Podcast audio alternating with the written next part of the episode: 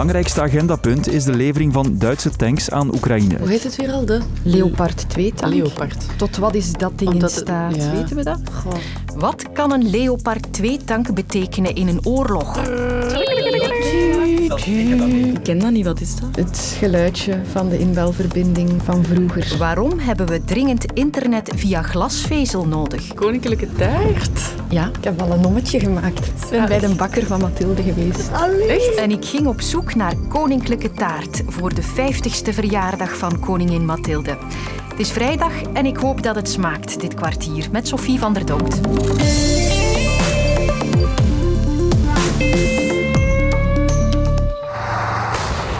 Is het geluid van een Duitse Leopard 2-tank. Die tank is de belangrijkste inzet van de onderhandelingen tussen 50 landen, die allemaal hun minister van Defensie naar Ramstein in Duitsland gestuurd hebben. Willen ze zware wapens leveren aan Oekraïne in de oorlog tegen Rusland? Het gaat dan onder meer om luchtafweersystemen, howitserkanonnen, extra munitie en dan vooral ook eh, tanks. hè. tanks. Om te weten te komen wat die Leopard 2-tank nu zo bijzonder maakt, roep ik de hulp in van mijn collega Jens Fransen. Dag Jens. Hey, hey, hey. Gent. Hallo. Yes. Ik heb meteen een praktische dienstmededeling. Deze studio is bezet binnen 17 minuten. We gaan ik kan proberen. makkelijk 27 minuten doorgaan. Hè? Nee, Jens, het kwartier duurt 15 minuten. Jens, die Leopard 2-tank, dat is een tank die de Duitsers maken. Een paradepaardje blijkbaar. Het is in Europa de tank die ook gewoon het meest gebouwd is. Er zijn om en bij de 3500 exemplaren. Hij wordt gebruikt van in Zweden, Noorwegen, Finland, Griekenland, Turkije. Werken allemaal met die Duitse Leopard 2-tank. En waarom willen ze daar zo graag mee werken? Wel, gewoon omdat het een heel erg goede tank is. Hè. Het is een relatief lichte tank, het is een zuinige tank. En eenmaal je kan instappen in een wapensysteem, een wapenprogramma dat op grotere schaal wordt gebruikt, is dat natuurlijk ook een stukje makkelijker om te gaan samenwerken qua opleiding, te gaan samenwerken qua munitie, eh, te gaan samenwerken qua eh, specificaties die erop zitten, lasersystemen, vuurgeleiding, dingen. Ja, het is een beetje de golf in zijn klasse. Germany's Leopard 2 main battle tank has a reputation as one of the finest in the world. Een andere grote troef van die Leopard 2-tank is natuurlijk dat die duizenden tanks hier al in Europa zijn. Je kan ze dus heel makkelijk op de trein zetten naar Oekraïne. Mocht je bijvoorbeeld een Amerikaanse tank moeten gaan vervoeren, ja, dan moet je die één per één in een vliegtuig gaan steken en helemaal naar de grens met Oekraïne gaan vliegen. Dat is logistiek een nachtmerrie. En omdat er zoveel landen Leopard-tanks hebben, mocht nu elk land die Leopard-tanks heeft er een aantal leveren, ja, dan is de last voor elk van die landen klein, maar dan is de lust voor Oekraïne heel groot. Dan kan het plots tientallen, misschien wel een paar honderden tanks krijgen. Kun je eens een paar voorbeelden geven van waartoe die Leopard 2-tank in staat is? Wel, een tank wordt eigenlijk gebruikt om te vechten tegen andere tanks. In tegenstelling tot artilleriestukken of bijvoorbeeld gepantserde voertuigen waarmee je militairen kan vervoeren. Oekraïne wil deze Leopard 2-tanks omdat de frontlijn op dit ogenblik een stukje stilstaat.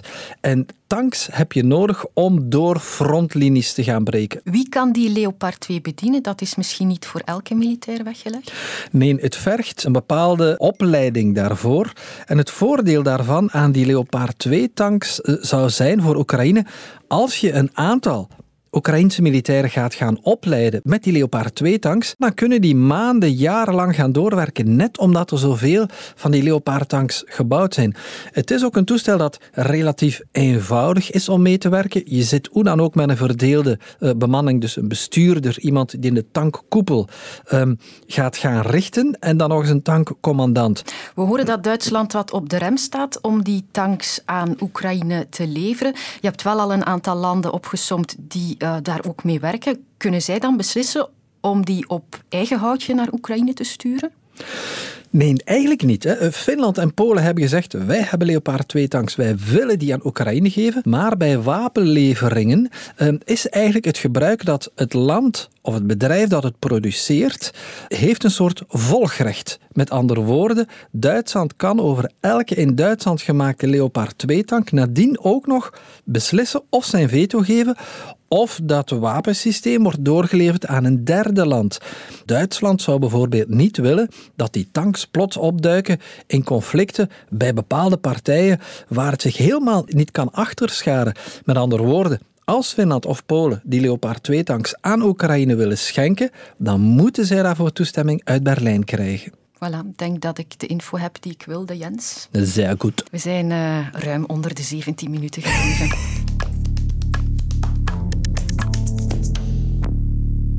Fiber of glasvezel zat in het nieuws de voorbije dagen. Dat heeft met een snelle internetverbinding te maken, maar vraag mij verder niet hoe dat juist in elkaar zit. Ik heb in mijn leven wel al een revolutie meegemaakt, want mijn eerste stappen op het internet gingen nog via een inbelverbinding.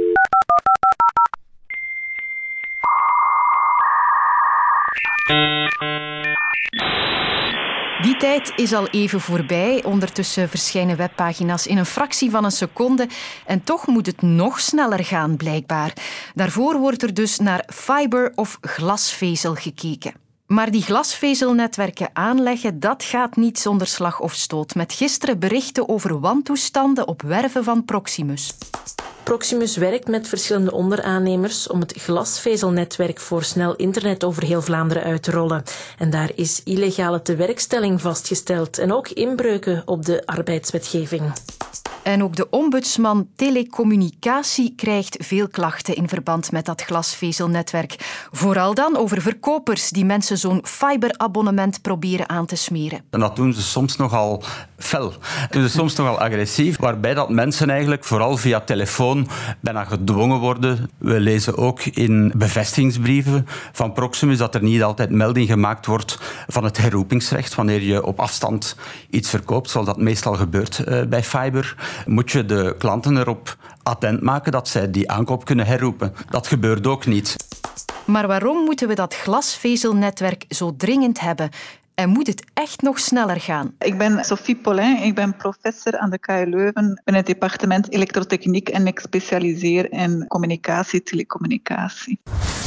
Wat is glasvezel eigenlijk? Een glasvezel is eigenlijk eh, een fijne vezel van glas waar heel fijne lichtstralen door propageren. En een glasvezelnetwerk is een netwerk opgebouwd uit glasvezel en niet uit koper. En nu worden die koperdraden eigenlijk vervangen door draden die uit glasvezel gemaakt zijn.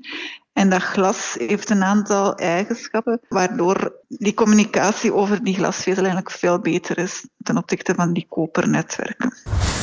Waarom is er nood aan glasvezel en nog sneller internet? Grote stukken van onze netwerken zijn al glasvezel. Dus alle backbone-verbindingen, de grote verbindingen tussen Europa en de Verenigde Staten, dat, dat is sowieso al glasvezel. En de operatoren zijn al jaren bezig met meer en meer stukken van dat internet te vervangen door glasvezelconnecties. En nu zien we dat we eigenlijk op het punt gekomen zijn dat het nodig is om ook die laatste stukjes van het kopernetwerk te gaan vervangen door glasvezel. En dat, dat noemen ze dan fiber to the home. Dat wil zeggen dat, dat die laatste 500 of die laatste paar honderd meter ook vervangen wordt door glasvezel eigenlijk. En dat is belangrijk omdat altijd meer en meer gebruik maken van, van het internet, van data. We zien ook meer en meer dat we niet meer gewoon tv kijken, maar on-demand kijken. Iedereen van het huis kijkt vaak, van een gezin kijkt vaak ook op het eigen gewenste moment naar bepaalde zaken. Dus er is gewoon heel veel capaciteit nodig, ook tot binnen onze huizen. En daarvoor is het nodig om die koperverbindingen te vervangen door glasvezel.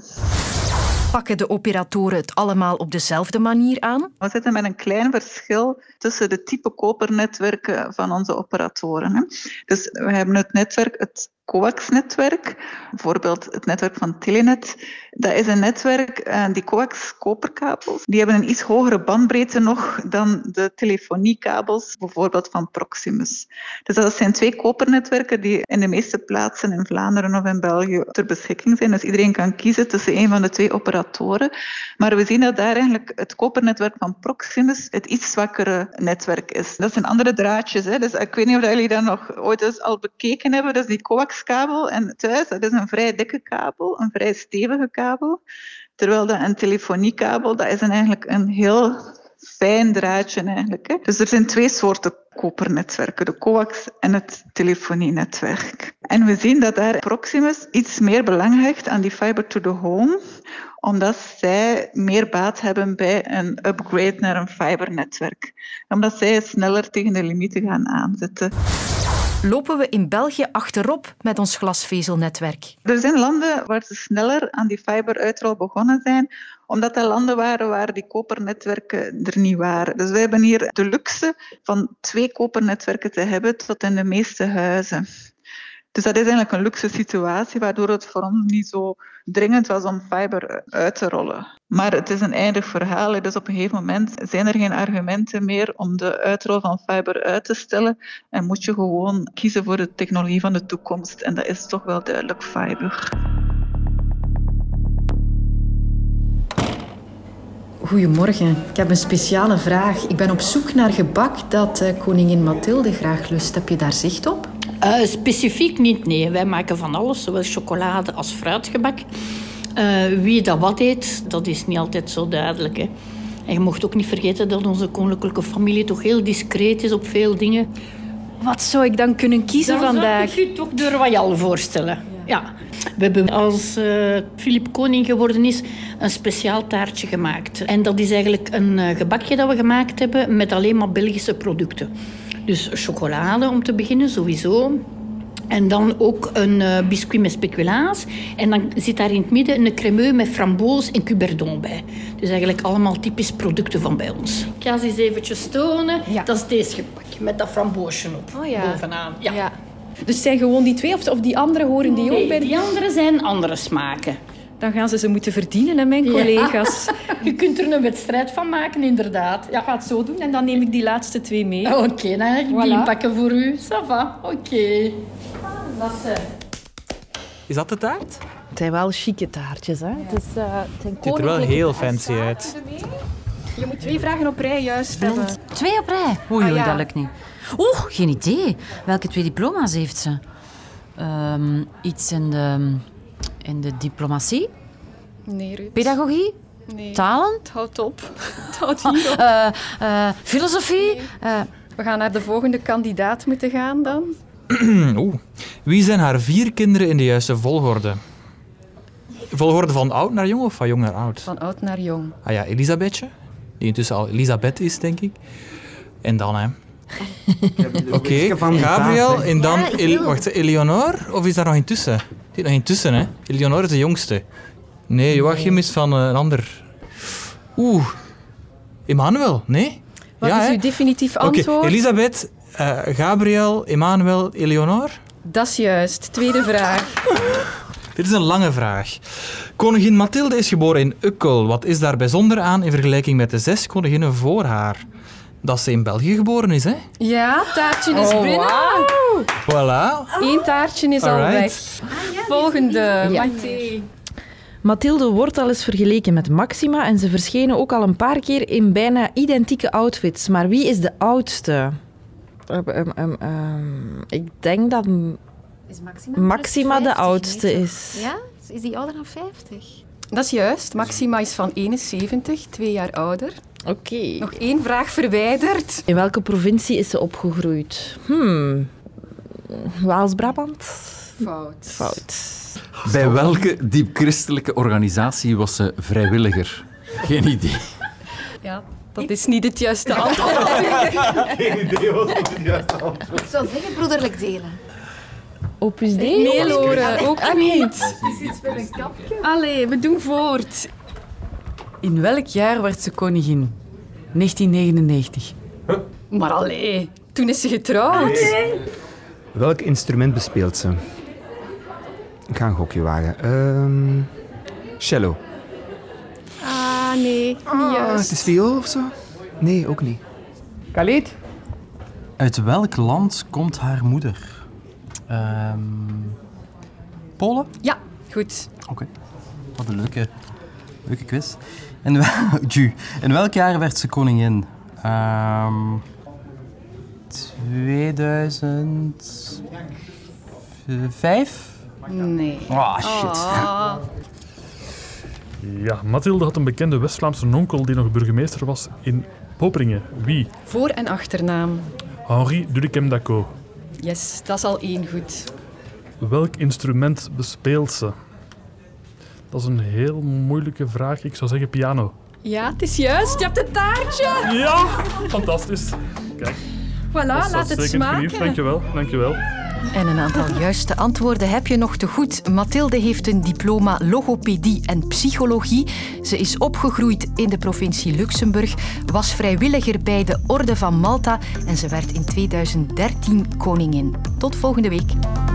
Luister ook naar Clubnet, je wekelijkse shot internetnieuws in podcastvorm. Nu in de app van VRT Max.